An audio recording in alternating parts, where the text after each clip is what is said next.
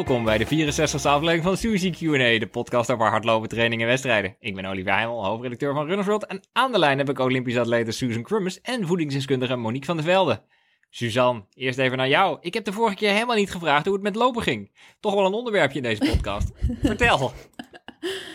Uh, mijn lopen, ja, dat staat even op een, uh, op een laag pitje. Um, nou ja, laag pitje. Kijk, ik, uh, ik heb me gewoon verstapt op een stoeprand. Echt heel stom en heel veel pech eigenlijk.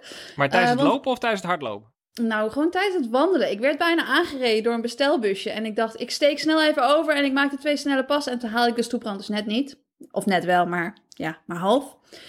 En uh, ja, toen verstapte ik me dus. Uh, gelukkig wel met mijn goede voet, zullen we maar zeggen. Want het is niet de voet waar de Achilles uh, het probleem veroorzaakte eerder dit jaar. Dus um, daar was ik op zich blij mee.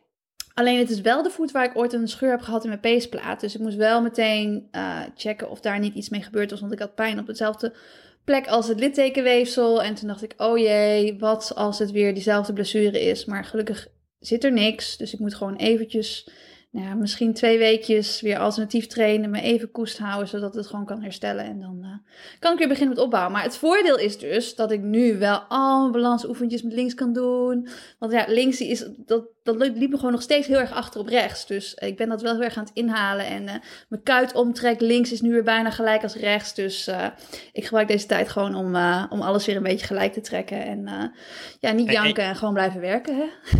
En jij, jij meet je kuitomtrek? Uh, ja, dat doe ik inderdaad. Over uh, rare dingen. Nou, nee, dat doe ik niet zo vaak. Alleen, um, nou, de sportarts die doet dat ook. Dus ik heb natuurlijk een check-up gehad bij de sportarts. Ook om, door die voet, omdat ik natuurlijk wilde, zeker wilde weten dat ik het niet uh, zwaar geblesseerd had. Dus zij heeft dat ook even gedaan. Maar ik doe het zelf ook wel eens inderdaad. Omdat ik dus weet dat dat bij mij wel een, uh, dat er vaak een verschil is. En dat is dan vaak de kant waar ik dus last heb van mijn Achilles. Dat daar uh, de kuit ook echt een, een, stuk dunner is. Het was, afgelopen jaar was dat zelfs een centimeter verschil. en nu is dat dus eigenlijk gewoon gelijk. Dus qua uh, spieren is het weer gelijk. Alleen nu is het weer, ja, de tonus is niet helemaal gelijk. Die is weer een beetje lager rechts. En dat is natuurlijk omdat ik rechts nu mijn, uh, mijn voet en mijn De tonus is, is Engels voor de spanning? Ja, de spierspanning. Die is inderdaad niet helemaal gelijk. Dus, um, dus dat is ook weer iets waar ik dan voorzichtig aan moet gaan werken. Alleen omdat ik dus die, die voet ook een beetje moet ontlasten, moet ik dat wel een beetje voorzichtig doen. Dus dat zijn wel dingen die ik altijd probeer in ieder geval links en rechts gelijk te houden. Want dat is wel, ja, je loopt met twee benen en dat is, uh, het is wel goed om dat een beetje in balans te houden. Dus, dus dat. dat. Dus dat mijn, uh, ja, mijn, mijn lopen even een beetje een blaagpitje. Dus. Maar, maar nog even voor de luisteraars die zelf een kuitomtrek zouden willen meten. Hoe, hoe pak ik dat aan? Is er een bepaalde ja. plek op je kuit waar je dan moet gaan zitten? En pak ik gewoon een meetlint? Ja, ik heb dus gewoon zo'n papieren meetlint van de IKEA een keertje meegenomen. Dit is hele meegenomen professionele... In, ze missen hem nu of, of wel gekocht? Nee, die mag je gewoon gebruiken. Dan mag je in de winkel oh. mag je dan gewoon dingetjes meemeten en zo. Ja. Ah, oké. Okay. Jij gaat nooit naar Ikea, duidelijk. Nee, ja, ik nee, wil ik maar zeggen... Ik voor het eerst in uh, tien jaar geweest of zo. Ik vond het fantastisch. Ja, mijn dochter vond het vooral fantastisch. Ja, de ballenbak en zo. Ja, snap ik. Um, nog Zweedse balletjes gegeten trouwens. Dit gaat toch over voeding, dus wil ik het wel even vragen. Zweedse balletjes? Heb je... oh my god! Hij heeft nu gewoon een vraagteken op zijn voorhoofd. Oh my god. Oké, okay. nou we moeten straks nog even over de Zweedse balletjes in oh, Ikea. de Zweedse balletjes hebben. Ja, inderdaad. Missing out. Anyway, uh, we, we, dwalen af. Waar was ik? Meet, oh ja, de kuit. Ik, uh, ja. ik meet het gewoon altijd op het, het, dikste gedeelte van de kuit. Maar ik weet wel dat de sportarts die zet ergens dan een streepje met de pen. Ik heb altijd van die penstreepjes als ik bij de sportarts ben geweest, overal op mijn benen. Dus ik weet wel dat er een soort van theorie achter zit hoeveel centimeter of misschien percentage van je onderbeen, weet ik veel. Maar goed, ik doe het gewoon op het breedste gedeelte en dan uh, vergelijk ik dat eventjes. En dan weet ik of goed bezig ben of nog wat meer ja, K-phrases aan de linkerkant moet doen. Maar ik merk aan jouw tempo dat je klaar bent met het onderwerp. Maar ik heb toch nog één vervolgvraag. Is die kuit dan gespannen of is hij ontspannen op het moment dat jij met je IKEA meetlint? Uh, hij is ontspannen. Ontspannen. Ja. Ontspannen, ja. want anders dan weet je ook weer niet hoeveel je hem aanspant. Weet je wel, straks dan kun je hem rechts wat minder aanspannen dan links. Als je hem gewoon niet aanspant, is het gewoon nul. Ja. Easy. Anyway, nou. jij bent niet bij Ikea geweest, maar wel bij Ikea geweest. En op Texel zag ik. Ja, ik denk niet dat daar een Ikea is überhaupt. Ik weet het niet. Ik heb niet het hele eiland gezien natuurlijk. Nee, maar, ik moet het eens even opzoeken. Ja. Nee, het was eerlijk. Je kan heel mooi lopen. Ik was zelf heel enthousiast over die witte betonblokken die ze hebben neergelegd. Maar... Uh, is dat nieuw? Een, een, paar mensen, waaronder Richard Dauma, die natuurlijk bij ons te gast was, die zei... Uh, ja, ik vond eigenlijk dat uh, asfalt een stuk prettiger. Hmm. Ja, dat valt ook wel iets voor te zeggen. Ik, eh, ik had trouwens zulke saaie rondjes gelopen dat een Tesselaar, of Tesselaar, Tesselaar denk ik, eh, die stuurde mij een DM'tje uh, dat hij op Strava had gezien hoe ontzettend saaie paden ik koos. Dus dat hij me graag wat mooiere paden wou, wou laten zien. Dus toen heb ik eh, een rondje met hem gelopen. Ja. En hij, ik zei, ik wil een uur lopen. En we kwamen terug bij het hotel op 59,58. Nou, deze man die, die verdient een ereplekje, toch? 59,58. Gewoon zonder dat hij gekeken had. Vond ik best knap. ja maar het waren ook hele mooie rondjes. Ja. En hij zei dat die brede fietspaden zijn neergelegd voor e-bikes vooral. Oh, oké. Ja. Ik was er eigenlijk blind van uitgaan dat het voor hardlopers was. Maar het is dus voor fietsers. Maar er zitten dan van die randjes in of zo, of niet? Ja, je hebt, eh, ik denk op de fiets dat je wel gedoem, gedoem hoort om de zoveel Nou, tijd. Maar lekker voor die ik vind wit gewoon heel mooi, denk ik. Oké, nou goed. Leuk. Maar ik eh, liep voor geen meter daar, maar het was wel echt mooi. Ik heb wel veel gelopen, maar het ging gewoon niet, niet hard. Dat heb je wel eens. Ja, maar als je ja, toch nog lekker hebt kunnen lopen, dat is beter dan niet lopen, denk ik dan. Zeker, in vergelijking met Verstappen voor een bestelbusje was ik... eh, was ik Inderdaad. ja. Count Ik your wel, eh, blessings. weet je nog, de vorige keer dat ik mijn OV-fietssleutel enzovoort... Ja, dat verhaal, ja. Ik kwam nu terug en de, terug in Den Bosch, dat is denk ik vier uur nadat je op Texel eh, op de bus bent gestapt. En had mijn hotelsleutel, dus dat pasje nog in mijn zak. Oh, maar dat is niet erg hoor. Dat, Dan maken ze wel een nieuwe. ja, ja, ze hebben er wel vrij veel, maar ik zat Ja. er toch mee. Ik denk dat ik hem alsnog op de post ga doen. Oh, ja, oké. Kun je doen. Ik was al een zekere plaag daar, want op een gegeven moment was ik mijn zwembroek ook kwijt. En toen ging ik bij de receptie vragen, hebben jullie mijn zwembroek? En toen hadden ze inderdaad mijn zwembroek, maar toen kwam die arme mevrouw met mijn zwembroek die nog nat was zo aan. Hij is nog wel een beetje nat. Dus eh, ja, ik heb een zekere naam op. Vraag me echt af hoe je hem kwijt bent geraakt. Maar goed, ehm, anyway. ja, het was daar in de kleedkamer, het is niet dat ik... Oké, got it. Got it. Hey, ja, ja, ik eh, ben klaar om dit onderwerp te verlaten. En Monique, Lekker. gelukkig ben jij daar. Want, Hallo. ehm, ik ga jij even introduceren. Jij bent... ehm, ja, ik heb gezegd voedingsdeskundige, maar we hebben wel eens van Peter S. begrepen dat er een verschil is tussen voedingskundige en voedingsdeskundige.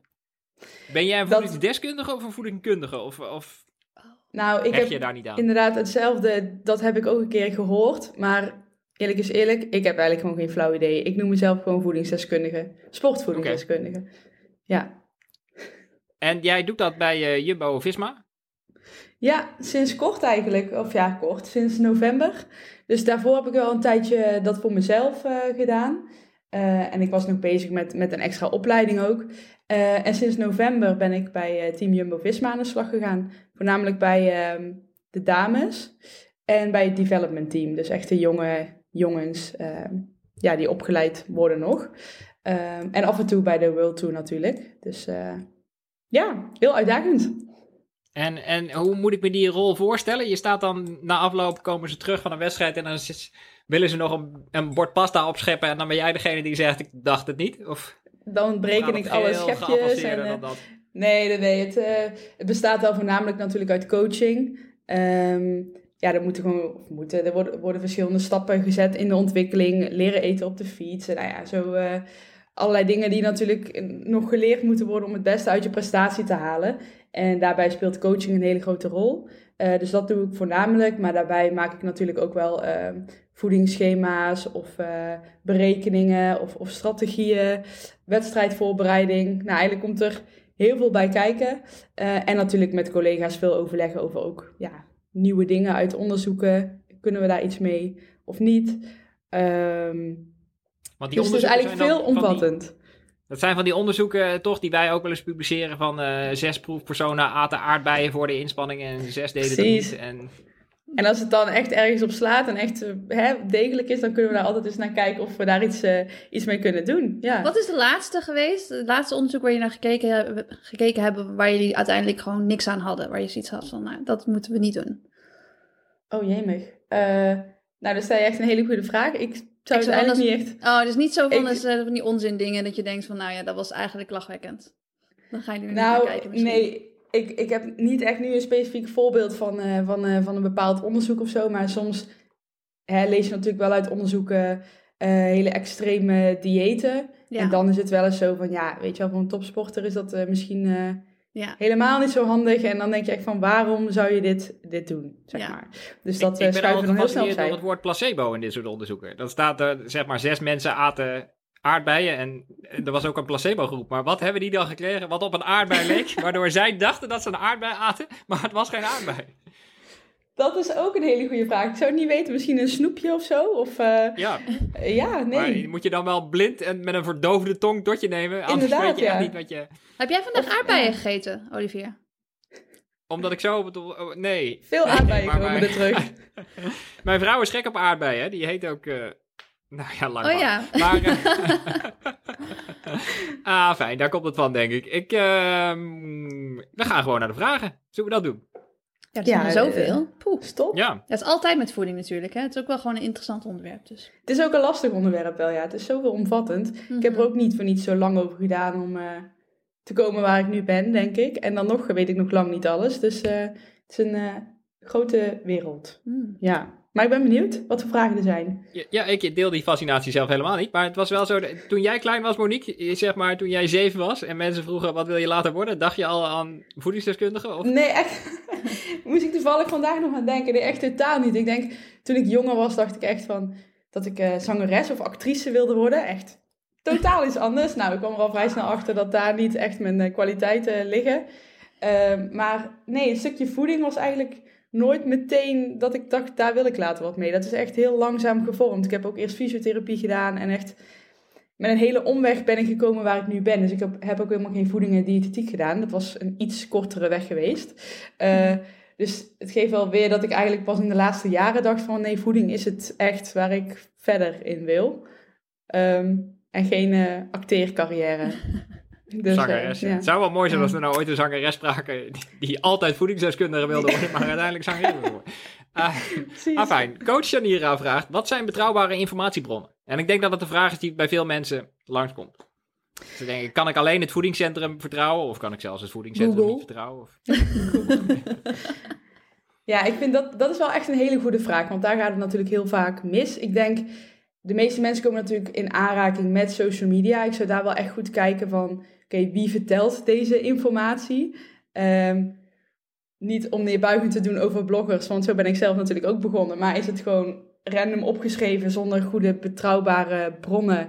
Of, of staan er ook echt bronnen bij waar de informatie vandaan komt? Is die persoon opgeleid? Uh, uh, een achtergrondinvoeding? Dat, dat zijn wel echt hele belangrijke factoren om mee te nemen. Want iedereen kan maar van alles delen. En daar gaat het denk ik ook wel vaak mis. Um, dus ik zou zeker kijken naar, naar mensen die zijn opgeleid tot diëtisten. En daar uh, informatie vandaan halen. Um, nou, vervolgens kan je natuurlijk verder uh, gaan uh, uitzoeken bij wetenschappelijke artikelen. Maar goed, dat, dat lijkt me voor de meesten niet echt een leuke, leuke bezigheid.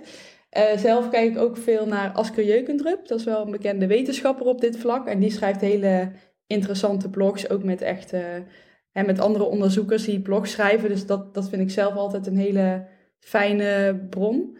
Um, ja, en veel, veel podcast, maar ook van mensen die dus zijn opgeleid tot, tot diëtist. Dus ik denk dat dat het allerbelangrijkste is. Niet zozeer Suzy Q&A, maar... Nou ja, als daar dan een kunnen kon praten. Ja, ja precies. precies, precies daarom. nee, ik denk dat het belangrijkste is om echt even te kijken van waar komt de informatie precies vandaan. En, en zit er een belang achter. Als iemand de hele tijd gaat schrijven over hoe goed supplementen zijn, maar zelf supplementen verkoopt, ja, dan ja. zou ik daar wel een beetje uh, naar kijken. -hmm. Logisch. Ja. Oké. Uh, dan een vraag die ook een paar keer terugkwam. Hoe voorkom je binge of een vreedkick een paar uur na een hardlooprondje? Mhm. Dat is ook een hele interessante vraag. Ik denk um, dat het met meerdere dingen te maken kan hebben. Um, ten eerste kan het zo zijn dat na een hele intensieve inspanning je hardloop, of je hardloop, je, je, um, je gevoel van honger zeg maar, onderdrukt wordt. Waardoor heel veel mensen eigenlijk direct als ze thuiskomen helemaal niet zoveel honger hebben. En het dan dus gaan uitstellen. Niks eten, gaan eerst uh, ja, douchen, nog hele andere dingen doen. Stofzuigen. Uh, precies, stofzuigen, even afwas doen. Ja. Maar dan ineens daarna, ja...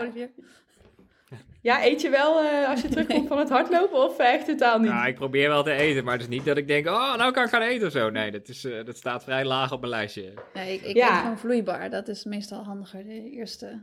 Ja, dat is dus wel een goede, ja. goede tip om het op te lossen, inderdaad.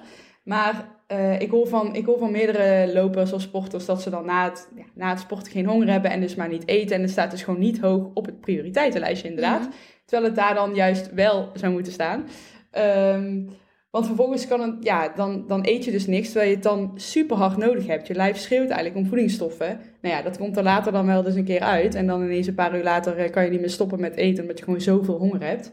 Ehm, dus mijn tip is wel om direct na thuiskomst, in ieder geval, start met wat te drinken. Nou, ideaal is dan om daar gelijk wat suikers uh, in toe te voegen als je echt moeite hebt met eten. Um, zodat je je lijf gelijk al voedt. En dat je daarna ook die, die ineens die pinch eating honger kick ineens niet zo uh, heftig krijgt. Hmm.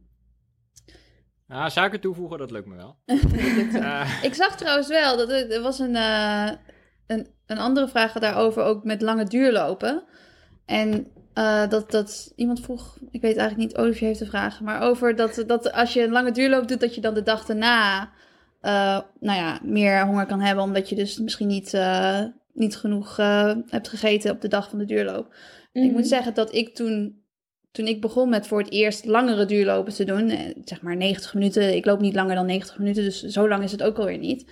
Maar dat ik voor mezelf wel merkte dat er een groot verschil was of ik de avond voor de lange duurloop, als ik dan niet genoeg koolhydraten at, in ieder geval niet extra koolhydraten, dat ik dan de lange duurloop nog steeds wel oké kon doen. Alleen dat ik dan inderdaad, als ik die lange duurloop dan op een zondag deed, dat ik dan op maandag heel erg honger had, omdat ik op zaterdagavond niet genoeg had gegeten. Dus het was echt een soort van nou ja, domino-effect van ja. ja. gewoon niet goed voorbereid die, die lange duurloop in te gaan. Ik denk dat mensen dat wel ook onderschatten. Dat mensen heel erg bezig zijn met herstel, maar niet hoe ga je nou eigenlijk zo'n training in. En ik denk dat dat wel iets is waar. Wat ik, ik krijg daar vaak vragen over van, van, van hoe plan je dat en hoe kijk je naar wat je de avond voor een training eet. Maar het ligt er natuurlijk ook aan hoeveel kilometers je gaat lopen of hoe lang je gaat lopen. Dus ja. ik denk dat dat wel kan helpen. En ook natuurlijk wat voor training je bijvoorbeeld die dag al hebt gedaan of de dag ervoor. Mm en ook heel erg wat je tijdens je training eet. Want dat is het tweede ding wat ik vaak hoor bij een lange duurloop. Dat er dan, ja, een gel, oh, dat heb ik niet nodig. Of uh, wat te eten, dat heb ik niet nodig. Maar goed, tijdens, zeker tijdens een lange duurloop, je energievoorraden gaan wel gewoon leeg. En je kan je run waarschijnlijk wel voltooien als je niets eet. Maar je komt er wel al helemaal leeg uit. Terwijl als je tijdens je hardloopronde dus al een gelletje neemt en die energie aanvult, mhm. dan heb je daarna ook ja, minder werk te verrichten. Want je hebt al een deel aangevuld. Dus je komt veel beter uit je training. En dat draagt er ook heel erg aan bij dat je daarna beter herstelt en niet die enorme mm ja, leegte hebt, zeg maar. Dus zeker de dag ervoor is al belangrijk. Uh, tijdens je hardlooprondje is het al belangrijk. En dan nog daarna. En dat, dat speelt allemaal mee. En dat tijdens, hoe lang uh, zou je zeggen, vanaf hoe lang zou je een gel moeten nemen? Want een uurtje lopen hoef je natuurlijk geen gel te nemen onderweg.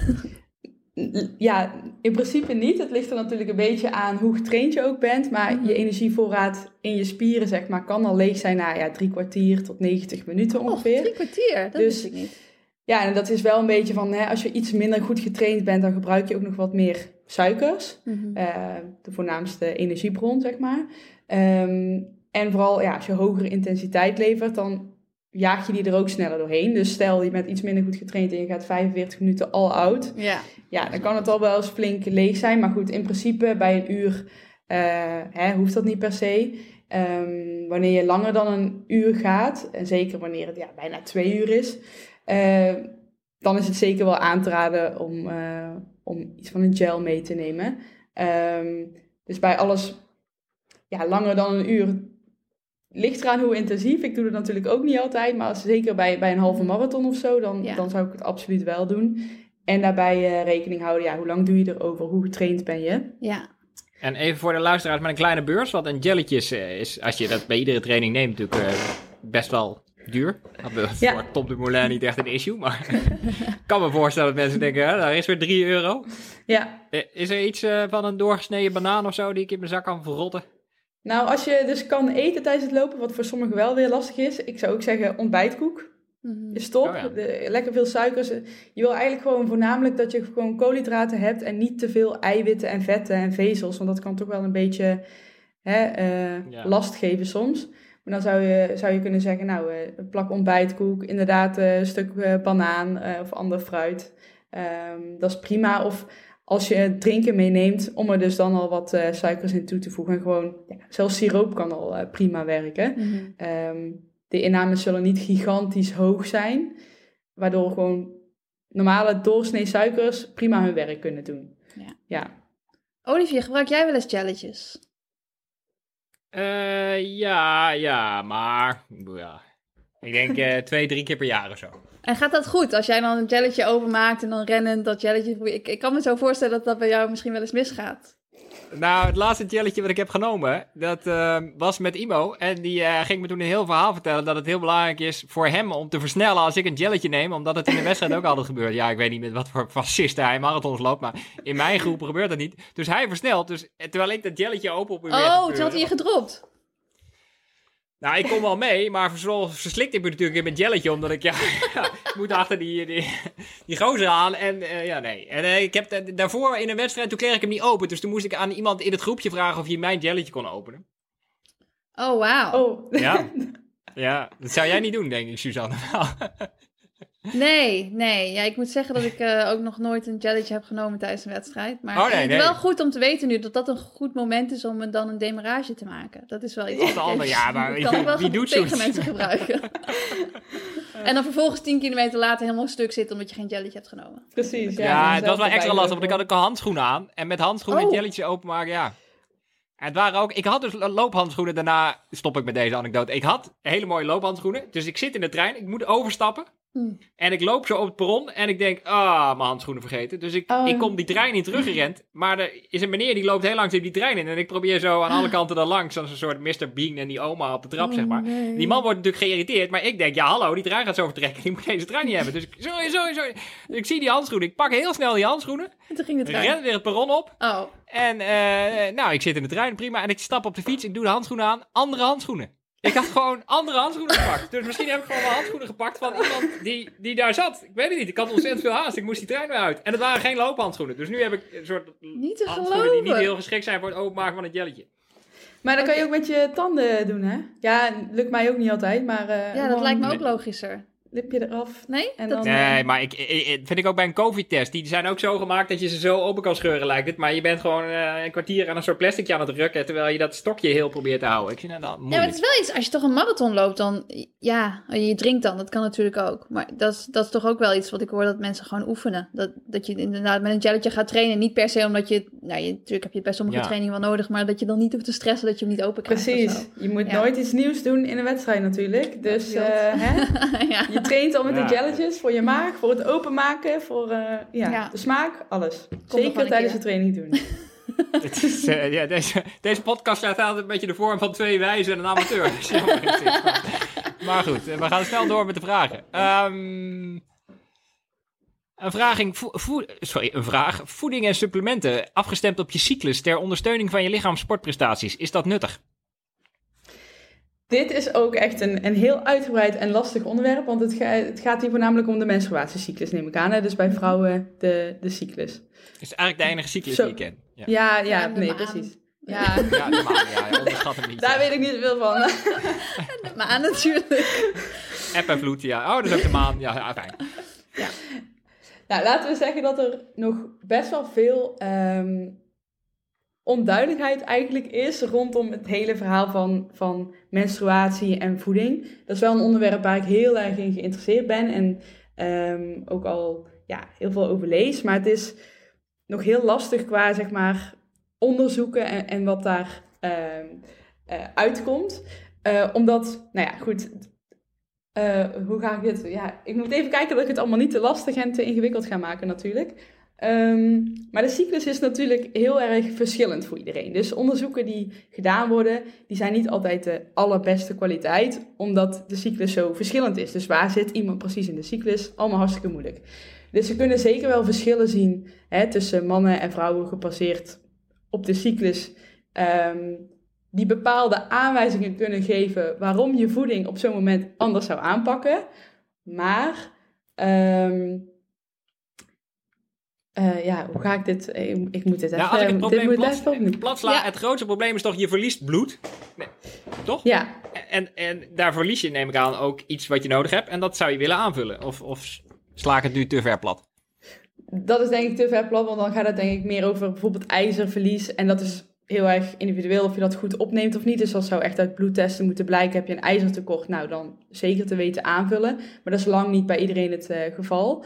Maar ehm, ja, heel veel vrouwen merken wel iets rondom hun cyclus natuurlijk. En op hoe ze dan presteren. En zoeken het dan vaak in voeding of supplementen om daar iets mee te doen. Om vervolgens dan toch uh, beter uh, te voelen en beter te presteren. Maar dat, ja, het is gewoon nog niet heel duidelijk welke fase van de menstruatie wat voor invloed precies heeft. En vooral of dat dan met voeding aan te pakken is.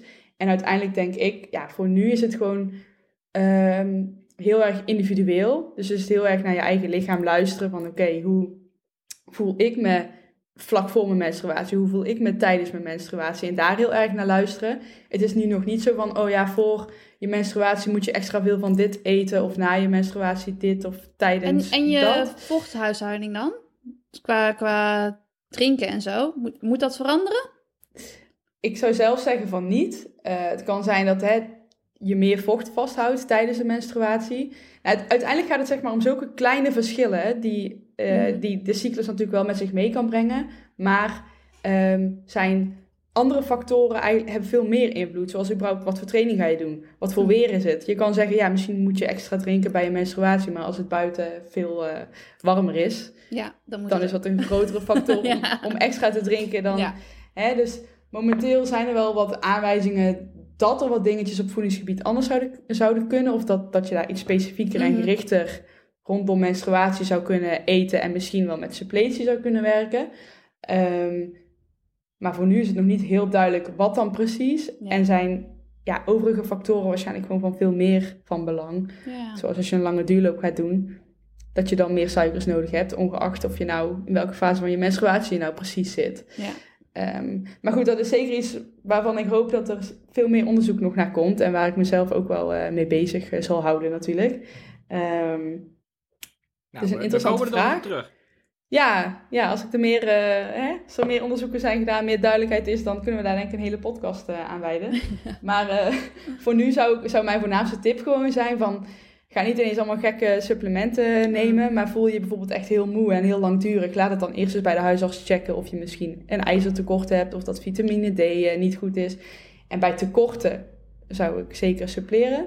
Maar uh, verder luister gewoon naar je lijf. En als je merkt dat je heel erg moe bent de week voor je menstruatie of tijdens je menstruatie, anticipeer gewoon vooral daarop. Ja, uh, en pas je training gewoon aan. Ja, ja precies. Ja. ja. precies. Um, ik heb even een uh, luchtige vraag tussendoor van Hanneke Running. Hebben jullie een guilty pleasure qua eten? oh ja.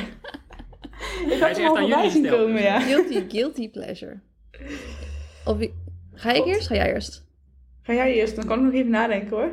Nou weet je, ik moet altijd lachen als mensen zeggen guilty pleasure.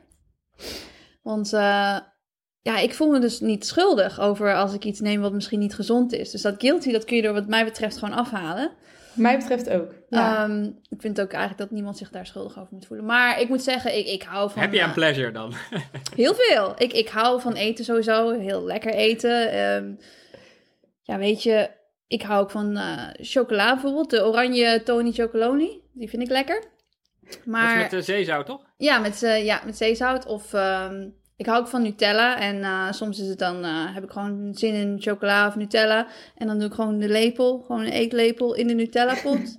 en dan heb ik ook een pot met granola. En dan doe ik hem daarin en dan blijft de granola er goed aan plakken. en dat is dan lekker, lekker, eventjes lekkere suikersnack. Maar ik moet zeggen dat als ik dat zoiets neem, dat ik dan niet denk van, nou, dit gaat echt uh, bijdragen aan mijn, aan mijn brandstof of herstel of zo. Maar ik denk ook niet meteen van, oh wat erg dat ik dit nu neem, zeg maar. Maar ik probeer wel altijd een beetje na te denken. En dat is misschien een beetje inhakend op die vraag die hiervoor kwam ook van... Uh, als je gaat uh, bingen na een training of zo, ja, hoe kun je dat voorkomen? Ik heb zoiets, als ik zoiets wil, dan betekent dus eigenlijk dat ik misschien... dat er een reden voor kan zijn, bijvoorbeeld, dat ik eigenlijk niet genoeg koolhydraten heb genomen om te herstellen van een bepaalde training of zo. En dat ik daarom nu snelle suikers wil. Maar het kan ook gewoon zijn omdat iemand anders, uh, als, als Andrew voor mijn neus een uh, ijsje aan het eten is, dan kan het zijn dat ik ook zin heb in iets zoets, weet je wel. Dus het hoeft niet altijd een hele spannende reden te zijn waarom ik iets, zoiets zou willen. Maar ik wil wel voor mezelf begrijpen waarom dat zo is, dat ik het, nou ja, zodat ik het niet, niet iedere dag denk van ik moet nu per se chocola hebben. Want dat hoeft van mij geen, geen uh, hoe zeg je dat? Maar, maar Suzanne, ik heb geen snetvrees, maar als je die lepel ja? dan in de granola stopt, ben je dan niet bang dat er stukjes Nutella achterblijven die dan zeg maar in de... Nou, ik heb dat dus heel goed geoefend. En als je de lepel goed omdraait, dan, Ja. dan, dan blijft gewoon alles plakken. En dan neemt dat, neemt dat gewoon wel gewoon goed mee. Dus je kunt het misschien thuis even oefenen als je Nutella hebt en granola. En ik ben trouwens ook de Nou, enige die die denken, als ik zeg granola maar een lepel vla in, in chocoladevlokken zou stoppen, dan zou er heel veel vla vervolgens tussen de Ja, maar die- die vla- Ja, blijft niet vla plakken. Jij- Ja, precies. Jij hebt duidelijk niet zo, jij eet niet zo vaak Nutella. Maar dit is wel echt een, het is een hele Nee. goede snack dit. Ik vind het, ehm, Ik eet nooit Maar ik moet zeggen dat ik me daar inderdaad gewoon niet schuldig over voel. Dus nu ben ik meer van, nou, lekker voor je dat je gewoon Nutella en granola in huis hebt. Precies, Nou, ja. nou, Nee, ik- ik- ik- de psycholoog in mij vindt het wel verdacht dat je heel vaak zegt dat je niet schuldig voelt. Maar, maar goed, de vraag was ook... eh, Ja, pleasure, maar guilty pleasures, zo noemen, ze, zo noemen mensen dat. Ja. En dat wil ik dus zeggen van, ja, guilty. eh, Je zou je misschien guilty kunnen voelen omdat ik zoiets heb van, ik heb, ik heb, ik heb niet goed hersteld na mijn training. Dat had ik beter moeten doen. Maar dat is, het is geen drama als je iets, iets eet wat ongezond is natuurlijk. Ja, guilty klinkt Nou, een beetje Monique, je alsof hebt er... genoeg eh, eh, tijd gehad om na te denken. Ja, zeker. Ja, nee, ja. Guilty, klinkt, guilty klinkt een beetje alsof er echt goed of slecht is, inderdaad. Alsof echt een voedingsproduct Mm. of goed is of slecht is. En dat, dat zie ik ook helemaal niet zo. Eh, verschillende voedingsproducten zijn goed of op verschillende momenten of minder goed. Ehm, nou is alcohol misschien dan wel een puntje dat je denkt, hè, dat is meestal draagt het eigenlijk weinig bij. Maar ik vind zelf een rood wijntje op vrijdagavond wel echt eh, heerlijk. En dan denk ik, ja, dat, dat vind ik mentaal dan wel weer eh, wat doen voor mezelf. Dus eh, dan zou ik zeggen misschien een glas eh, rode wijn eh, in het weekend. Ehm, ja, en verder, ik hou ook gewoon heel veel van eten. Eh, nou, ik doe niet de lepel in de Nutella. eh, en en ik, ik doe wel eh, de heel banaan weinig. en, de banaan en de pindakaas de hele tijd. Nee, ik pak dan een pot pindakaas Nice. en een banaan en dan smeer ik die de hele tijd eh, bij elke hap eh, vol met eh, pindakaas. Maar ja, goed, dat is ook niet per se slecht of zo. Ik denk dat heel veel mensen dat als een prima ik snack zien. wielrenners ook wel over. Pindakaas en een banaan. Ja, het is echt heel erg lekker. Ja. Maar net als een dat boterham zijn met twee dingen die hagelslag. elkaar in de natuur nooit tegen zouden komen. Nee, ja, een beetje dat, dat zoete en een beetje wat meer dat zoutige. Of tenminste, ik ben zo iemand die pindakaas hartig vindt. Ik weet niet, eh, sommigen vinden het Hmm. zoet. Maar, eh, oh, de vuilnisman komt voorbij. Ik hoop niet dat het allebei is. We hebben heb een extra gast. Ja, maar pindakaas, en banaan, ik eet dat gewoon op brood. Dat is, dat is mijn eh, typische eh, pre-run eh, meal. Ja. Dat, is, eh, dat is een goede combi, toch? Ja, het is een super, super combi. Wat ik wilde zeggen nog, eh, een boterham met hagelslag bijvoorbeeld. Mensen, sommige mensen denken misschien ook van, oh dat is een guilty pleasure. Maar voor mij eh, is dat dus iets wat ik bijna dagelijks wel eet. Omdat, eh, als ik, zeker als ik heb gelopen, dat ik ook mijn suikers wil aanvullen. En dat het dan voor mij eh, een, lekkere en snelle en fijne manier is om gewoon een boterham met hagelslag te eten. Naast allerlei fruit en groenten dat ik eet, zit die boterham met hagelslag er ook wel zeker bijna dagelijks in. Dus Ja. Ja, ik denk dat het Ja. vooral belangrijk is dat de de guilty pleasure niet, niet de gewone voeding vervangt. Maar dat het er, als het erbij Ja. komt, is het niet zo erg natuurlijk. Maar als je dan Nee. niet meer alle normale voedingsstoffen binnenkrijgt omdat je alleen maar hagelslag eet, dat is natuurlijk een probleem. ja, precies. dus uiteindelijk hè, is er niet echt goed of slecht. Het gaat uiteindelijk allemaal om balans. Hè? Balans. Ja. Dus ja. Ah. Eh, dan heb ik een, eh, een vraag van eh, Rob Kale Dop. hey, wat een leuke naam. Kale Ja. Eh, ja, het ruimt ook, hè. Wat zijn de belangrijkste voedingsstoffen naast koolhydraten en eiwitten om te herstellen? Eigenlijk alle basisvoedingsstoffen zijn sowieso belangrijk. Dus inderdaad koolhydraten en eiwitten, maar gezonde vetten zijn ook heel belangrijk ehm, voor herstel. Ehm, maar goed, wanneer je echt een intensieve inspanning hebt geleverd, ga je wel eerst kijken om die koolhydraten aan te vullen. Ehm, en, en die eiwitten eh, die je later natuurlijk ook eh, in je herstel wil nemen. Maar misschien het allerbelangrijkste nog wel, wat dan vaak niet wordt genoemd, is gewoon drinken. Voldoende vocht drinken, je Mm. vocht aanvullen. Ehm, dat zou ik, misschien- zou ik eigenlijk vooraan zetten zelfs. Dus eerst En vocht wat dan? aanvullen. En Want dan, alleen eh, water is ook niet... eh, ja, nou ja, ligt een beetje aan je persoonlijke voorkeuren ook wel. En als je, of je daarbij dus wel of niet iets eet.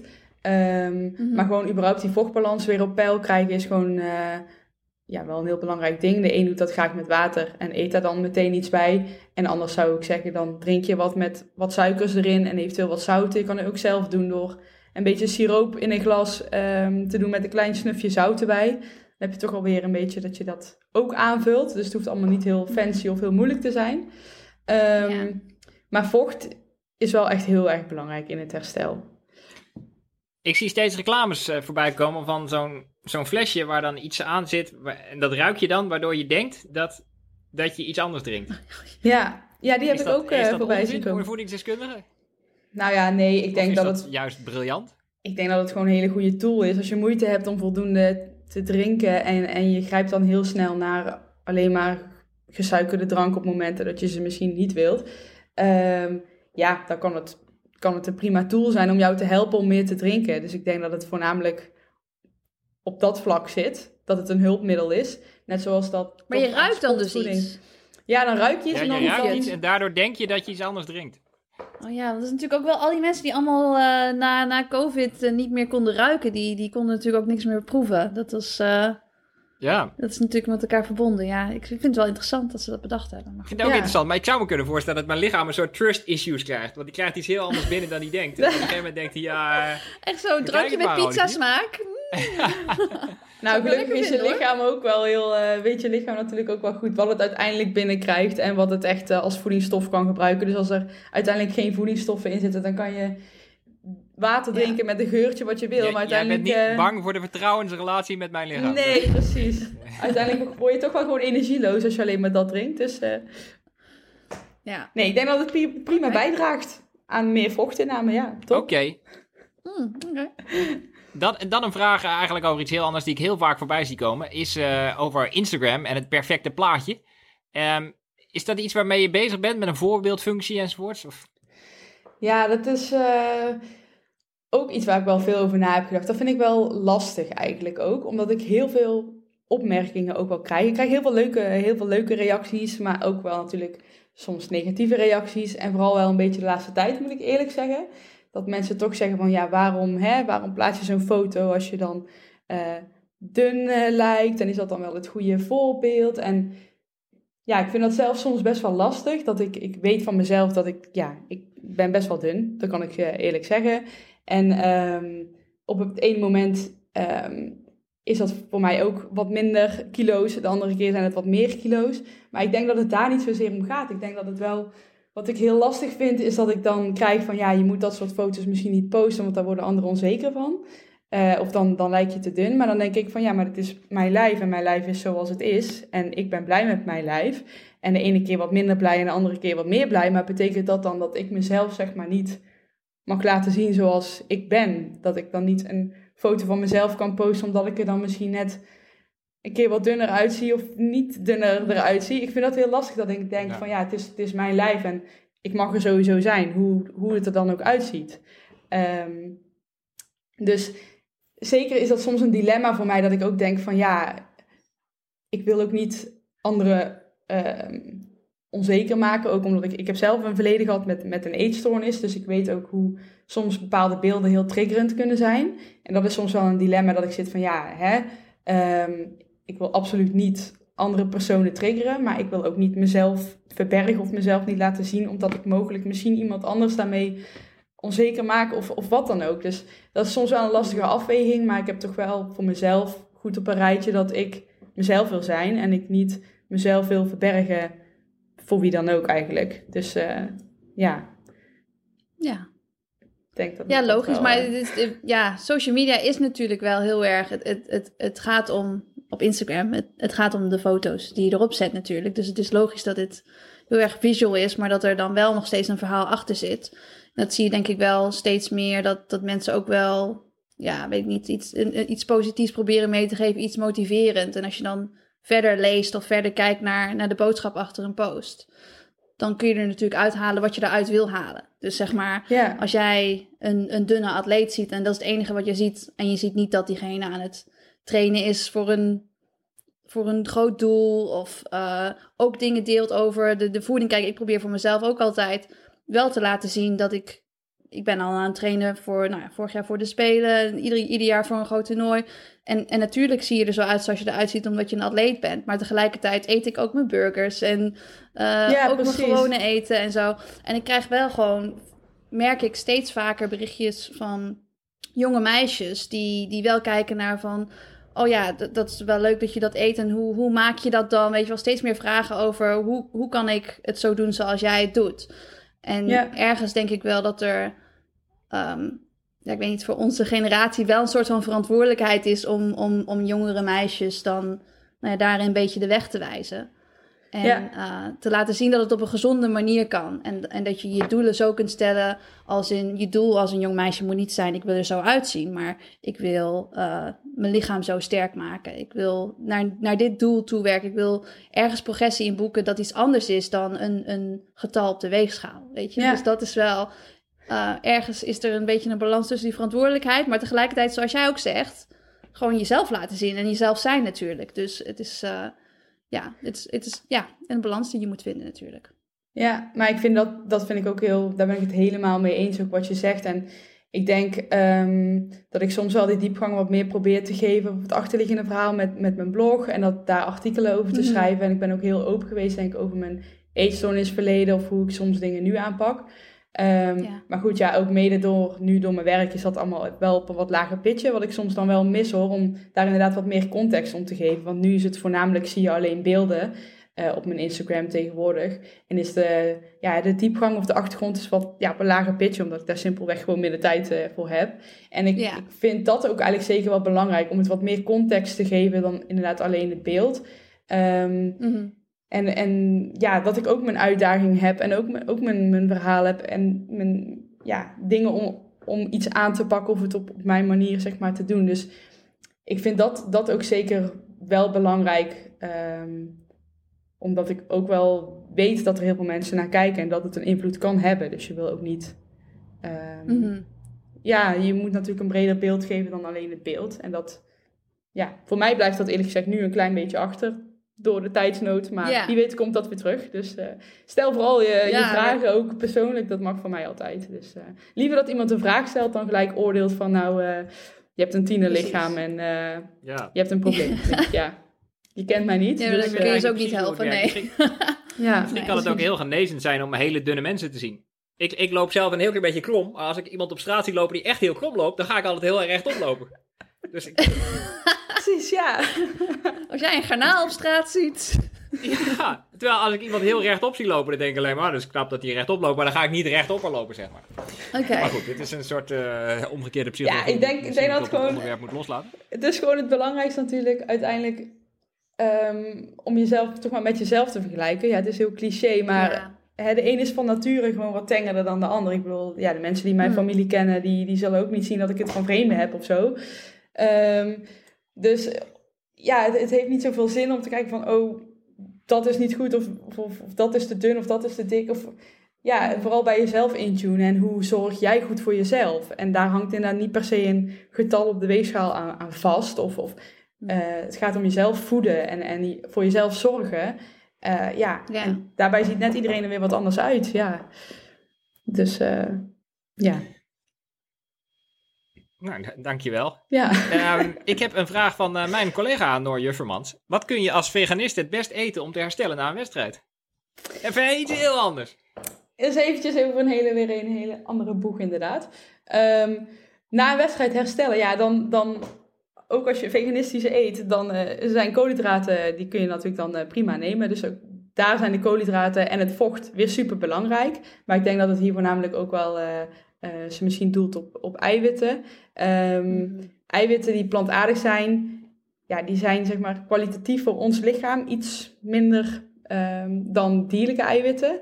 Ehm, dus dan zou je wel kunnen kijken naar welke plantaardige eiwitten zijn dan wel nog het best. En dan komen ze toch vaak op soja-eiwitten uit, die wel van de plantaardige eiwitten redelijk hoog in kwaliteit zijn.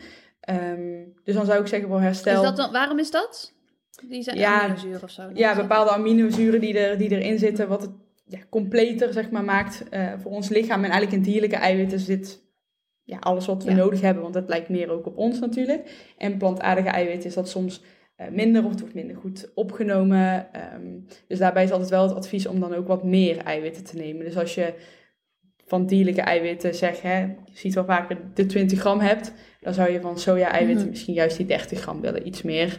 Ehm, dus ja, voornamelijk, voornamelijk hoeveelheden spreiding gewoon goed weer aanvullen. Zowel koolhydraten, vocht als eiwitten. En dan eventueel wat meer eiwitten of kiezen voor soja. Ik heb nog wel een vraag. Zie je in het eh, wielrennen dat er, dat er veel eh, wielrenners veganistisch of vegetarisch eten? Of is dat... eh, Ehm, bij, de dames, bij de dames wel. Ja, ja? zeker, zeker wel eigenlijk. Ehm, ja, ik moet zeggen, bij de mannen wel nog wat minder. Ehm, Mhm. Maar bij de dames zeker wel. Vrouwen En zijn ook, plantaardiger dan... dan... ja, maar ja, misschien spelen daar andere dingen ook een rol. En ook het stukje ehm, ja, duurzaamheid of bijdrage aan de wereld, zeg maar. Dat, ja, misschien dat dat ook bij dames nog net wat meer speelt. Ik heb geen idee. Ja. Sorry, ja. Nee, maar... eh Zit nee, ik het in mijn zeker luipaardtrui, hè? Ja, ja, ja, ik wil het even opna- opnemen voor mannen. Plantaardig is natuurlijk helemaal niet aardig voor planten. Je eet ze gewoon op. maar, eh, Precies, ja, nee. Onaardig. Nee, maar het, ik denk dat, het ook, dat ook dat iets is wat steeds vaker eh, komt. Ehm, wat steeds meer zal komen ook nog. En wat ook prima kan. Alleen er zijn gewoon een aantal dingen om, om rekening mee te houden. Dat het soms lastiger is om al die voedingsstoffen echt eh, eh, uit plantaardige producten te halen. Dat je daar soms gewoon Ja. wat meer dan van nodig hebt. Omdat je het minder goed opneemt. Of hè, dat er minder in zit. Dus dat zijn eigenlijk de Ja. voornaamste uitdagingen. Eh, ja, en heel soms komt daar dan een suppletie bij kijken. Ehm, ja, maar het, het kan suppletie is- zeker. is een mooi woord voor supplementen nemen. Ja, ja, ja, ja. ja. En wat zijn dan tekorten die je dan ziet bij mensen die veganistisch eten? Mm, ik denk dat vooral bij dames ook dat een ijzertekort dan wel eh, een wat grotere ja, risico heeft. Omdat het bij, vooral bij vrouwelijke duursporters komt een ijzertekort al wat vaker voor. Ook zeker wanneer er wel een menstruatie is. eh. Ehm, nou ja, en in plantaardige producten, of ja, in, in planten, zit wel ijzer. Maar dat is een ander soort ijzer dan in dierlijke producten zit. En die nemen we gewoon een stuk minder goed op. Maar het kan wel een tip zijn van, nou, als je plantaardig eet en je wilt toch op die ijzerinname letten, om het dus goed uit te zoeken van, nou, waar zit het dan precies in? En om dat dan met vitamine C eh, te combineren, want dan neem je het eigenlijk wat beter op. Dus dat kan dan wel helpen. Ja. Om dat te doen. Maar, maar je zei net dat vrouwen wat meer bezig waren met duurzaamheid en met de toekomst op de aarde enzovoort. Ehm Dat weet ik niet zeker, dat is niet onderbouwd. sowieso meer bezig zijn met voeding. Ja, dat durf ik niet zozeer Valt te dat jou op zeggen. eh, onder wielrenners? Of? Nou ja, nou nee, want bijvoorbeeld natuurlijk bij Team Jumbo is, maar iedereen is heel veel bezig met voeding, omdat je, ja, je, ontkomt er eigenlijk ook niet aan als je zoveel uur op de fiets doorbrengt, dan, dan moet je wel met, eh, gezondheid, moet je wel met voeding eh, bezig zijn natuurlijk. Dus je kan wel zeggen dat daar iedereen veel met voeding bezig is. Ehm, maar misschien ja, wel soms net op wat, wat andere manier weer, of dat ze net wat andere dingen belangrijk zijn, maar ik denk dat dat met heel veel ja, dingen is dat toch een beetje verschilt van persoon tot persoon, überhaupt ook. Misschien verschillen tussen mannen en vrouwen. Ehm, maar ik denk over het algemeen dat er... Ik Niet heb het zoveel met mijn verschil zal mannelijke vrienden zitten. nooit over voeding eigenlijk. Nee, ja, nou... Ik heb met mijn mannelijke vrienden nooit over voeding. En ook niet op een andere ook, ook niet manier. over lekker eten gewoon. Precies. Nee, maar ik, ik denk dat ik daar onbewust ook wel een beetje op selecteer. Ik zou nooit bevriend zijn met mensen die zeggen dat ze echte Bourgondiërs zijn bijvoorbeeld. Echte Bourgondiër. Ze zeggen ook nooit Bourgondiër, maar ze zeggen altijd echte Bourgondiër. Nee, dat heb ik nog Ehm, nooit gezegd, maar ik hou wel we van eten. Maar ja, wij zijn toch wel vrienden of zijn wij geen vrienden? Ja, we zijn wel vrienden, maar het zijn mannelijke vrienden. Daar, daar reken ik jou dan weer niet onder. Oké, nee, dat, is, dat klopt wel een beetje. Ja, ik ben toch gevleid, Suzanne. Dat vind ik leuk. Ehm.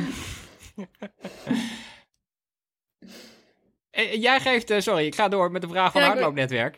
Het Oh, zoveel netwerk. voor- Ik Ja, zie Mo voor niet meer trouwens. Zie jij Mo nog? Ik zie Mo Oh. niet meer. Oh nee, toch? Ja, het, Oh, het ja, zal, ik het zie zal je nog wel. liggen. Nee, god, het, ik, het, het- oké.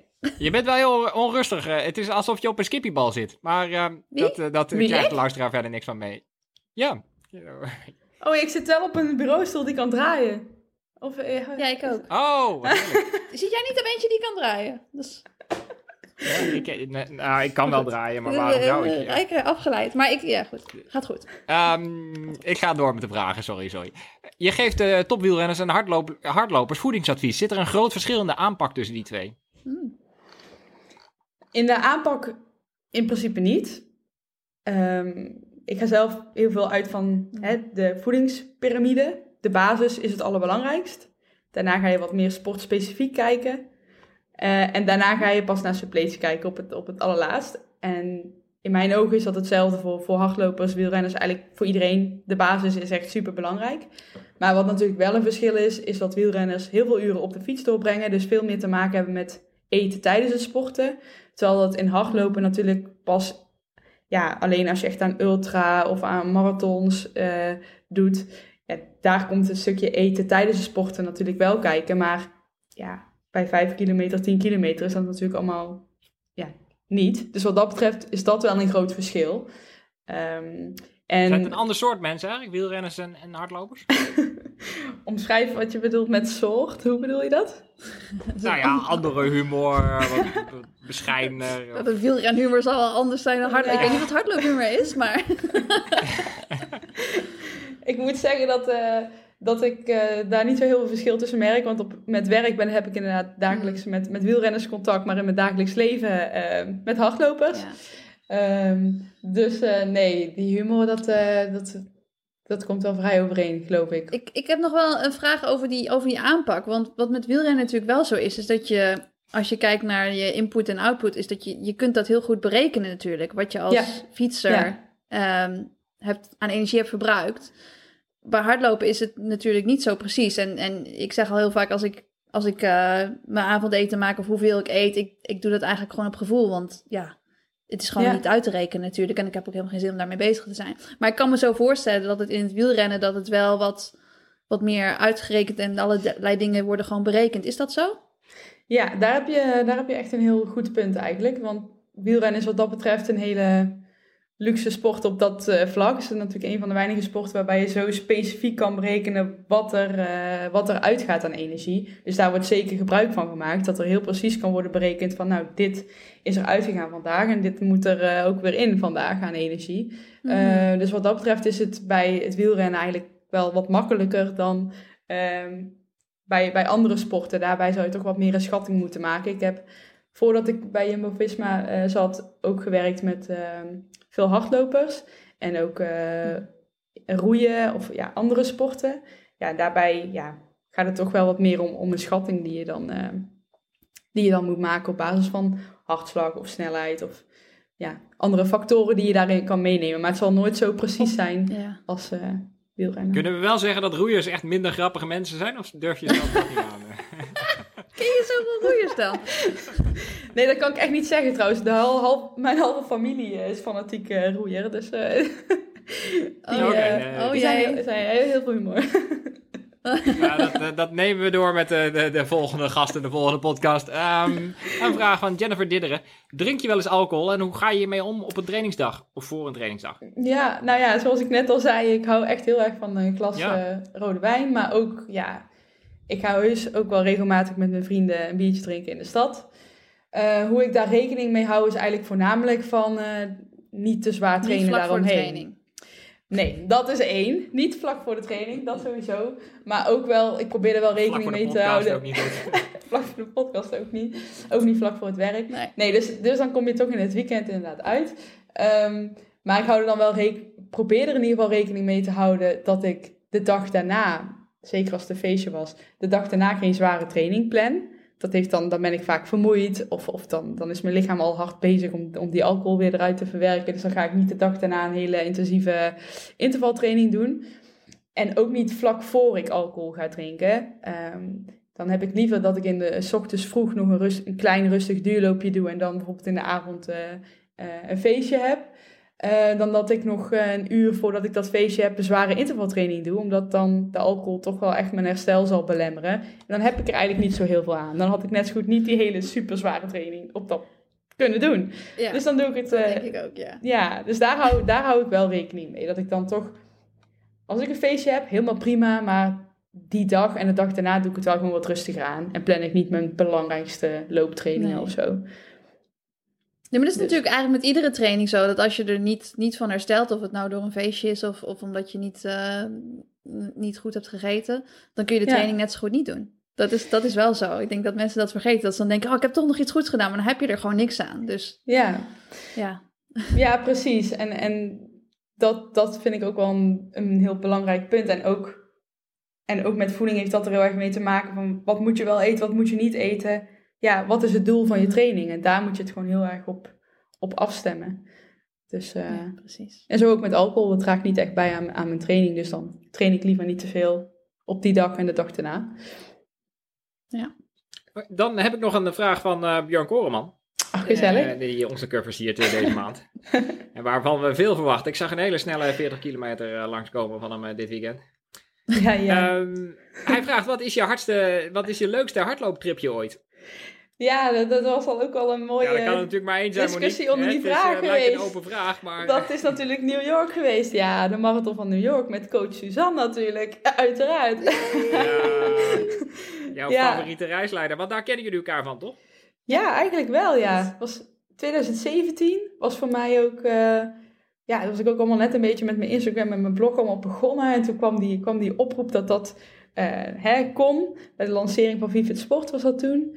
En eh, was het dan van, ja, nee, er waren een aantal die de mogelijkheid hadden om die, die marathon te gaan doen. Ik was heel erg aan het twijfelen, want ik dacht, dat is veel te vroeg voor mij. En dat kan ik nog helemaal niet. En toen dacht ik, ja, maar ja, deze kans kan ik echt niet voorbij laten gaan. Dus toch nog een filmpje gemaakt. En toen, eh, ja, toen eh, mocht ik mee. En dan kreeg ik Suzanne als coach. En toen heb ik hem nog uitgelopen ook, die marathon. En ja, dat was gewoon een super toffe reis. ja. Ja. ja, dat was echt... ja, dat was wel... Het was sowieso het mooiste, mooiste hardloopmoment. 100 procent. Ja. Ah, Ja. ja, mooie vraag, Björn. Dankjewel. Ja, mooie trip. Suzanne, heb jij nog een slotvraag? Anders eh, ga ik hem zo afsluiten. Nee, ik denk het niet. Ik vond de vragen erg goed van iedereen. Ja, Ja. ja, dankjewel. Ik heb ze niet allemaal kunnen behandelen, maar het waren er gewoon echt heel veel. Ja, Stuur ze maar Dus, gewoon door. eh, zo zijn we helaas aan, ja, kom maar het weer een van deze... Oh, dat kan ook. Ja, het is echt heel lastig een outro houden met jullie. ik ga het gewoon nog één keer proberen. Zo zijn we helaas aan het einde gekomen van deze 64e aflevering van Sushi Q&A. Dank Monique, dank Suzanne en dank beste luisteraars. Ook namens Suzanne, blijf luisteren en lopen.